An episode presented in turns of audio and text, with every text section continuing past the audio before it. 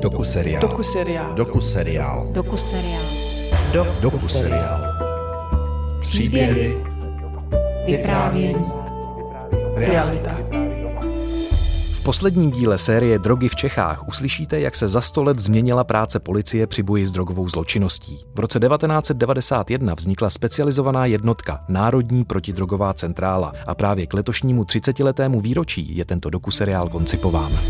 Dynamika té drogové trestné činnosti je opravdu velká. 54% Čechů souhlasí s možností koupit si volně konopí pro rekreační účely. U nás držení malého množství pro vlastní potřebu není trestným činem, ale přestupkem. Stav, v jakém se momentálně nachází celosvětový boj proti drogám, by se dal nazvat jakousi křižovatkou. Stále více států přikračuje k určitým formám legalizace a jinde za drogy hrozí vysoké tresty, včetně trestů smrti. Jaká je současnost a budoucnost drog v Čechách?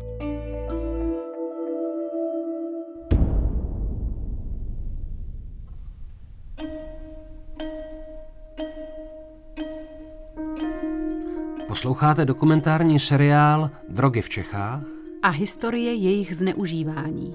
Díl čtvrtý Chobotnice.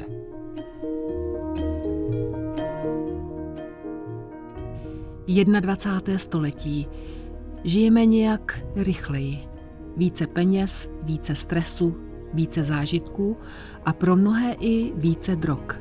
Komunitní skupiny, které si dosud vařily v domácích varnách pár gramů pervitinu nebo si zakouří společně trávu, mají tvrdou konkurenci.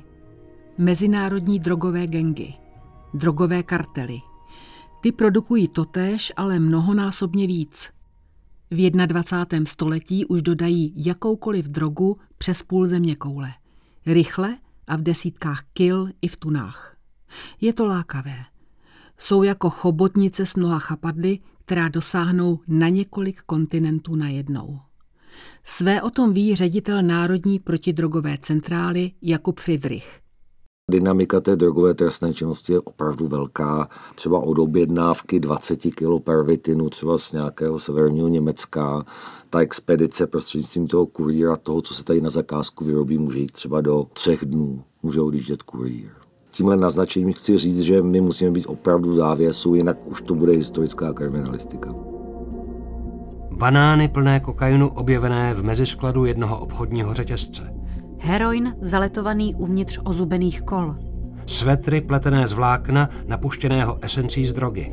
Bagry na vývoz, v jejich ždutinách se ukrývají balíčky s kokainem.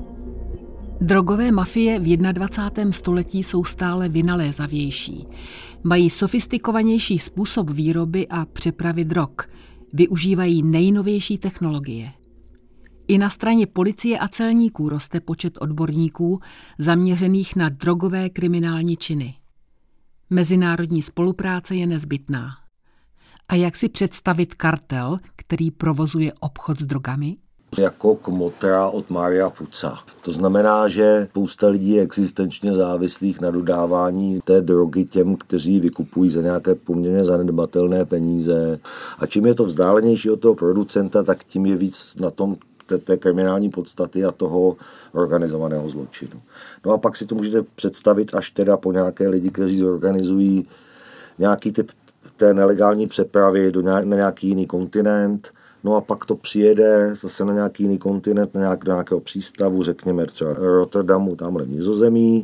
No a tam odsud se to zase rozprskne po nějakém množství podle do nějakých zemí konkrétních a tam se to rozprskává až vlastně k tomu koncovému uživateli přes různá patra, různě složité organizace. Obvykle to bývá tak, že ty skupiny, pokud je to pro ně výhodné, tak sfúzují na nějakou část, odkoupí za nějakou cenu nějaké množství materiálu a pak už jedou si po svém. Pak si jedou po svém. Závěru tohoto řetězce stojí takzvaný koncový uživatel. Pro obchodníky anonymní člověk. Ale je to jeden osud a většinou dramatický. Například Petr Skarviné drogy bral od 15. Když mu bylo 18, vyhodili ho rodiče z domova a žil, kde se dalo. Různě po kamarádech a po sklepích a po schodech a tak. No. Takže vlastně jsem byl na ulici. No. Bylo to hrozný. No. Já jsem měl třeba nějaký místo, kde jsem chodil a chodil jsem tam do té doby, než mě tam někdo vyhmáta. Horší to bylo třeba s, jako s hygienou. No. To bylo šílené. Se chodil na nádraží za 10 korun se vykoupat. Takže to vás vaši ani třeba na tohle nepustili domů? Jako ze zpočátku jo, ale pak už prostě to bylo v takovém stavu, že oni, oni rezignovali, protože vlastně jim to ubližovalo. Oni už nechtěli být prostě trápený, tak prostě rezignovali a řekli prostě ne, už dost.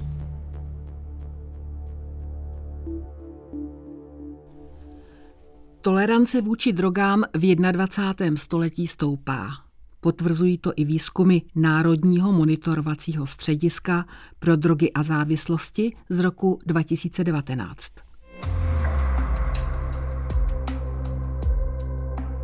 Zkušenost s některou z nelegálních drog uvedlo celkem 30% respondentů. Nejčastěji šlo o konopné látky, extázy, LSD a jiné halucinogeny. 54% Čechů souhlasí s možností koupit si volně konopí pro rekreační účely ve specializovaných prodejnách. Od 1. ledna roku 2020 je zaveden nárok pacienta na částečnou úhradu léčebného konopí. Sílí hlasy pro legalizaci konopí.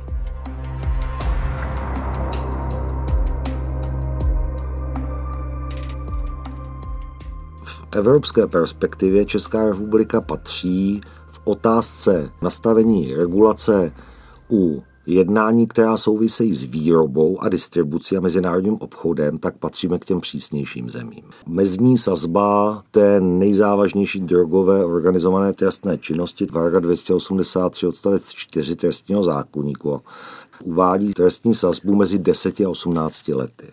Když se podívám na druhý pol toho problému, tam se zase dostáváme na úplně druhý pol. Tam patříme mezi nejliberálnější země v Evropě protože my máme dekriminalizovanou držení malého množství. U nás eh, držení malého množství pro vlastní potřebu není trestným činem, ale přestupkem. A dokonce na rozdíl od mnoha jiných zemí máme dekriminalizováno i pěstování malého množství rostlin konopí. Co povolit, co tolerovat a co považovat za přestupek nebo trestný čin? Nekonečné diskuze. Je větší tolerance z hlediska práva projevem svobody nebo je to cesta k ještě větší míře zneužití drog? O své pravdě jsou přesvědčeni ti, kteří s drogou jen relaxují. Pravdu mají nemocní, kterým marihuana zlepšila kvalitu života. Pravdu mají policisté a lékaři, kteří jsou svědky toho, jak může droga zničit lidské životy. Přístup, který dekriminalizuje držení malých množství drog, jednoznačně zvyšuje společenskou akceptaci životního stylu spojeného s nelegálními drogami jako jakési normy. Rekonstrukce případu s názvem Brutální zásek byla zpracována v cyklu Historie českého zločinu. Léto roku 2013. Na severní Moravě se v jedné chatě sešla parta mladých lidí. Atmosféra po užití několika druhů drog houstne. Zaholím Madu spát. Jdeš taky, jo, ano? Nejdu.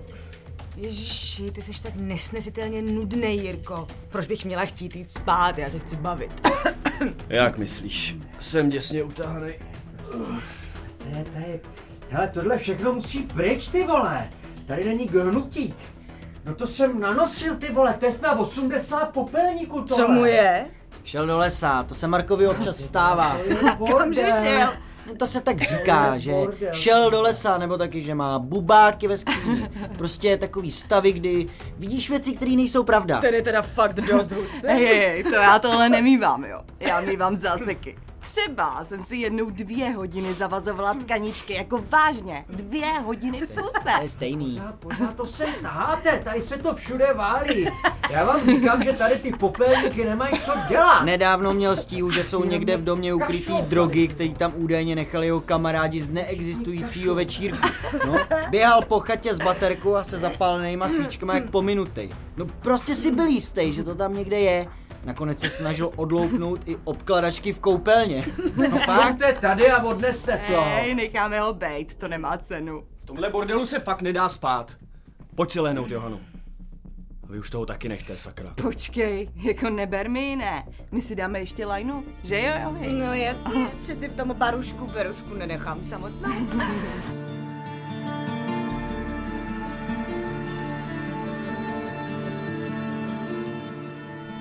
V roce 2019 bylo registrováno 4819 drogových trestných činů. Trestní řízení je nejčastěji vedeno proti osobám, které se dopustily nedovolené výroby a jiného nakládání s omamnými a psychotropními látkami. Za rok 2019 bylo v České republice registrováno 184 úmrtí následkem užití nelegálních drog, těkavých látek, opiátů a psychoaktivních léků. Ve statistice Národního monitorovacího střediska pro drogy a závislosti je to jen jedno číslo. Tak skončil také příběh 18-leté Johany z Ostravy. Asi po půl hodině s sebou Johana přestala mrskat. Sklidnila se, tak jsme ji položili na gauč.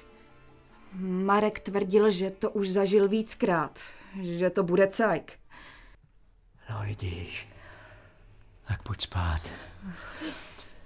Hlavně klid. Všechno je to o psychice. Drogy jsou o zábavě. A zasmát se. Být. Být prostě v pohodě. Johana ležela na zádech. Já na zemi vedle ní. Objímala jsem ji. Pak jsme všichni usnuli. Ze spaní jsem slyšela divný zvuky. Marku, Marku, zbud ses. Co to dělá? Nevím, to asi kašle, ne? Takhle kašle celou dobu spí. Obrátili jsme ji na bok, aby se nedusila. Už se necukala, jenom pořád mluvila jakoby ze spaní. Zdálo se, že je jí líp, tak jsme spali. Jenže když jsem se ráno probudila... Ježíši Kriste, Johano, no tak prober se. Marku, vstávej. Neštvi. Ona nedechá. Do hajzlu, do hajzlu, do hajzlu.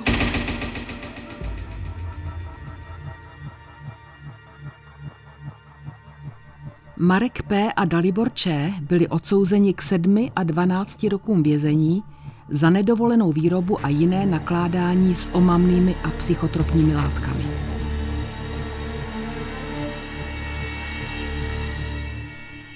Úřad Spojených národů proti drogám a zločinu uvádí, že na světě užívá drogy 271 milionů lidí, z čehož 35 milionů potřebuje lékařskou péči.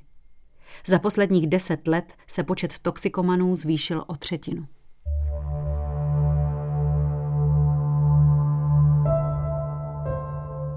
Zpočátku ty drogy jsou úplně skvělý. Když jsem vlastně začal brát pervitin, takže už si, že si nikdy nevemu nic jiného, jako, ale hm, to těžko jako člověk, člověk to dokáže. Myslel jsem si, že přemýšlím jako jiný člověk, jako, že prostě, že je svět lepší. Člověk potom, když už pozná, že má problém, jako, tak už se jenom trápí. Vlastně ani už nemůže žít jako bez toho, protože nemůže ani dýchat, tyjo, nemůže nic, nemůže chodit, nemůže dělat nic. Já jsem ani o něčem jiném neuměl mluvit. Jako jsme mluvili s klukama jenom o drogách, o krádežích, jo, a moje první žena, ta byla, tomu nerozumím, proč se mnou vůbec byla, jako, protože to bylo šílené. To je o jo, že prostě vlastně člověk, který bere drogy, myslí jenom na sebe. Takže já jsem, jsme měli dítě a prostě místo toho, aby jsem se staral o, o dítě, tak jsem se staral o to, abych měl drogy. Jako.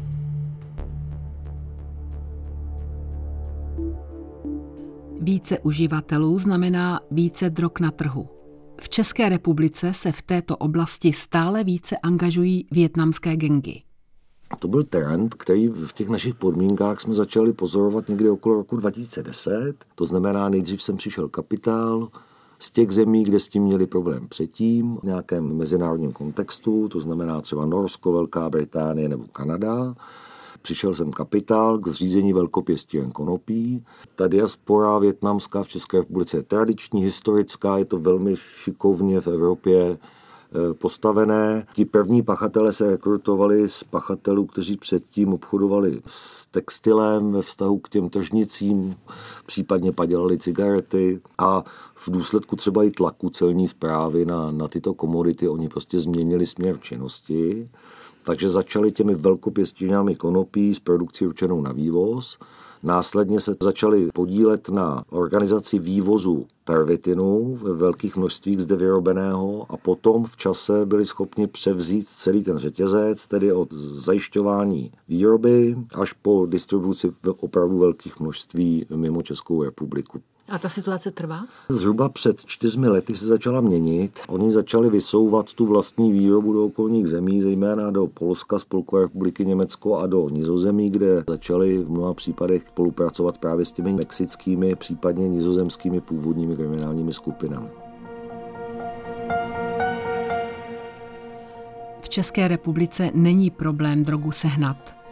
Jsme už více než 20 let nejen transitní zemí, skrze kterou drogy projíždějí, ale také zemí cílovou.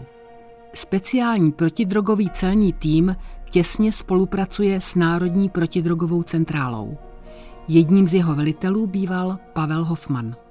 Svého času tady na to byli právě specialisté západoafrické drogové gangy, Nigerijci, kteří třeba posílali kokain z Brazílie na určité penziony v Praze. Přijel kurýr, zpravidla to byla žena, která se na několika penzionech eh, ubytovala a čekala, až jí je doručena zásilka na její jméno na tento penzion a odcestovala na území, buď to bylo Německo, Švýcarsko, Francie a ještě některé další státy.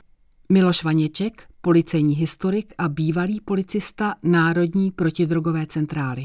Rám kufru z vylisovaného kokainu kdy Pejsek označoval, droga nikde a pak někoho napadlo rejpnout vlastně do toho rámu, takže ten obvodový rám byl vyrysovaný z kokainu. Zatvrzeli jinak morbidní způsob ukrytí kokain třeba v mrtvolce dítěte, který hmm. maminka pronesla na hmm. letiště a cestovala ze státu do státu. Na území České republiky myslím, že byly dva případy umrtí polikačů. Jeden se stal na nádraží, na hlavním nádraží tady v Praze, kdy myslím, že to byl Kolumbiec, který náhle umřel a při jeho pitvě bylo zjištěno, že jeho útroby obsahovaly kontejnerky s napolikaným kokainem a jeden se protrhl a nastala smrt a někdy koncem 90. let to byl občan České republiky, který z Latinské Ameriky propašoval ve svých útrobách eh, zhruba kilogram kokainu a bohužel se mu jeden z těch kontejnerků protrhl a umřel. A je tu nový fenomén. Češi se v 21. století stále více podílejí na výrobě a distribuci drog v zahraničí. Buď jako členové drogových gengů, nebo jako najetí pěšáci. 26-letou Terezu zadrželi celníci v roce 2018 na letišti v Pákistánu a v jejím kufru našli téměř 9 kg heroinu. Češka od začátku svou vinu v pašování drog odmítá, ale přesto dostala od pákistánského soudu přísný trest. 8 let a 8 měsíců na tvrdo. Československé konzulární oddělení řeší případ dvou penzistů, kteří skončili ve vězení v Hongkongu podle tamní policie pašovali kokain. Policie ve spolupráci s Interpolem dopadla osm Čechů, kteří pašovali drogy z Jižní Ameriky. Jednoho z kurýrů, který ve svých útrobách převážel 800 gramů kokainu z Brazílie, odvezli do nemocnice, protože byl v ohrožení života. Zavřeli mě do klece s dřevěnou podlahou, s dírou místo záchodu, se spoustou švábů a moskytů. Z průrvy z podlahy vybíhali potkani. Popisuje Čech tajské vězení, do kterého se dostal za pašování drog. Když potom se zpětně díváte na ty kurírní případy, tak se obtížně hledá nějaký společný jmenovatel. Nicméně jeden tam je. Je to takové to komunitní sdílení otupování té obezřetnosti a cílení na lidi, kteří jsou v nějaké nevýhodné ekonomické nebo sociální nebo životní situaci. Zažil jsem případy organizované západoafrickými kriminálními skupinami, které cíly na studenty na brigádách, kterým řekli, že si vydělají velké peníze a taky převážná většina těch studentů, kteří to pro ně udělali tu práci, tak si ty peníze vydělali a, e, vydělali a ty ostatní studenti to viděli, že se jim nic nestalo, že sice tam tři týdny nebyli, ale pak se vrátili s velkým balíkem peněz. Pokud to děláte dostatečně dobře, konspirativně můžete několik let převážet relativně velká množství a představa toho rychlého výdělku s relativním rizikem otupí takovou tu klasickou obezřetnost člověka, že by teda neměl v zemích, jejich právní systém úplně nezná, páchat nějakou trestnou činnost, protože se, by se mu také mohlo stát, že to nemusí přežít, ten trest odnětí svobody. Jako je to běžné právě v té jihovýchodní Asii, přesně na tomhle modelu funguje kurní přeprava drog. Existuje odhad, kolik se toho neodhalí? Ty odhady jsou velmi nepřesné. Znám studie, které hovoří o 3, 5, 7 procentech toho, co se zobchoduje, že se, že se zachytí, ale já jsem velmi skeptický k tomu. Pěstírny konopí u nás začaly existovat od začátku 21. století. Z údajů Národní protidrogové centrály vyplývá, že v roce 2001 byly odhaleny dvě. V roce 2017 už jich bylo 230. Pervitinových a neb metamfetaminových laboratoří se v Evropě odhalí ročně přes 240 a z toho 230 je jich v České republice. Česká republika je největším producentem metamfetaminu v Evropě, takže my už to dneska vyvážíme do světa. Už tady se skutečně každý rok reportují stovky varen, že? ale to jsou varny, které to dělají třeba v gramech. Ale vedle toho se začíná stále více angažovat organizovaný zločin, eh, který už to nevaří prostě po gramech, ale po kilogramech. A eh, dochází tady k vývozům, vývozům vlastně této drogy dneska už do Austrálie, do Japonska. To už je špičková technika, která je v tom používaná.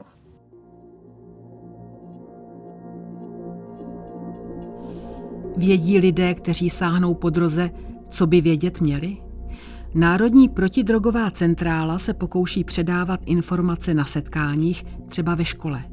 Hovoří docent Miroslav Nožina, autor knihy Svět drog v Čechách ti pedagogové a lidi kolem drog jako nevnímali vlastně, že, že tohle je součástí nějaké subkultury, že, to, že ty drogy mají svoji vlastní filozofii. Že ti lidé, kteří to berou, vědí, proč to berou. Že oni to nedělají jenom tak, že si prostě do sebe spou chemikály. Oni to chtějí využít jako prostředek, kterým si rozšiřuje vědomí, že, který chce, chce dostat do nějaké další dimenze. A nebo to chce použít jako prostředek podporující určitý trans, nějaký technopárty. My jsme to vlastně začali na těch školních vykládat a teď jsme opravdu viděli tu hrůzu těch učitelů, co nám to tady říkají. Jo, ale chápali velmi rychle, že o co tam vlastně jde. Takže oni se u nás hmm. velmi rychle začali vlastně profilovat různé subkultury. Jednak přišel boom knih, kde se dávali knížky prostě o drogách. Jo, a to byly celé řady. Vyšel Castaneda, že učení do Nachuana. To je vlastně, ten autor vypráví o tom, jak se setkal v Mexiku eh, s šamanem kmene Jaký a on ho potom školil vlastně v technikách extáze a využívání, využívání drog a on tam taky používal Durman. No a už jsme měli na Znojemsku prostě vlny, vlnu mezi studenty prostě zneužívání Durmanu. Vlastně to povídání s těma lidma mělo vést teda k tomu, že droga tady byla, je a bude že přírodní kmeny dokážou využívat, ne zneužívat a vlastně uvádět to do nějakých těch příčinek souvislostí, že není teda o tom jenom zobnout trip LSD a mít představu, kam se dostanu a tak dále, ale že existuje teda set a setting, čili okolnosti, za kterých tu drogu beru, v jakém stavu jsem, když ji beru a tak dále.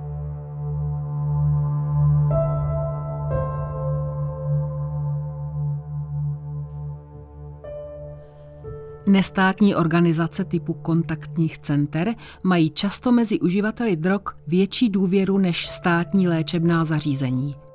Pomohou, když se toxikoman rozhodne s drogou skončit. Ale pomohou i v případě, když bude chtít drogu brát dál, ale bezpečně. Jedna nezisková organizace oslovila před lety i Petra Skarviné. Viděl jsem, že oni mají zájem, jako, že prostě opravdu jsou všechno křesťané, že, že prostě mi chtějí pomoct a cítil jsem, že prostě tam mám zůstat, tak jsem tam byl a najednou prostě, to není o tom, že prostě jsem bez drog jenom, Oni vyučí prostě, jak se chovat v situacích. Oni neříkají pacienti, ale studenti. Takže já jsem vlastně byl student a vlastně se učím žít. Když jsme se s Petrem viděli naposledy, byl už několik let takzvaně čistý, žil bez drog. Ale lidé, kteří už jednou prošli drogovou závislostí, podstupují celoživotní boj. Se svou fyzickou a psychickou dispozicí do toho mohou kdykoliv, opravdu kdykoliv, zase spadnout. Česká republika, začátek 21. století. Drogy přecházejí do rokových klubů a diskoték. Silný prožitek hudby s podporou drogy umožňují technopárty. V Praze už funguje otevřená drogová scéna. Z pražského náměstí republiky se postupně stává místo, kde se schromažďují díleři i zájemci o drogový trip. U nás je stále levněji a tak do České republiky přijíždějí takzvaní drogoví turisté. Možná, že to nevíte, ale jedete v tom velmi pravděpodobně také. Tedy pokud pravidelně sáhnete po léku na spaní, na uklidnění nebo po prášku proti bolesti. Pravidelně. Ne, nejsme o moc jiní než lidé jinde ve vyspělém světě. Jenom jdeme s dobou. A drogy? Jejich historie se bude také posouvat v čase.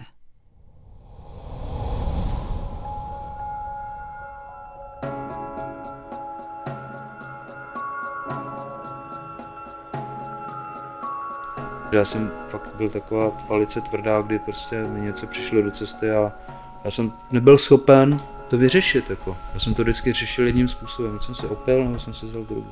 Pro mě bylo nejtěžší si odpustit sám sobě. Myslím, že to bylo určitě nejtěžší. A jak říkáte, naučit se žít? Co bylo těžké se naučit žít? Já nevím, jak bych to odpověděl. Všechno je těžký. To těžký.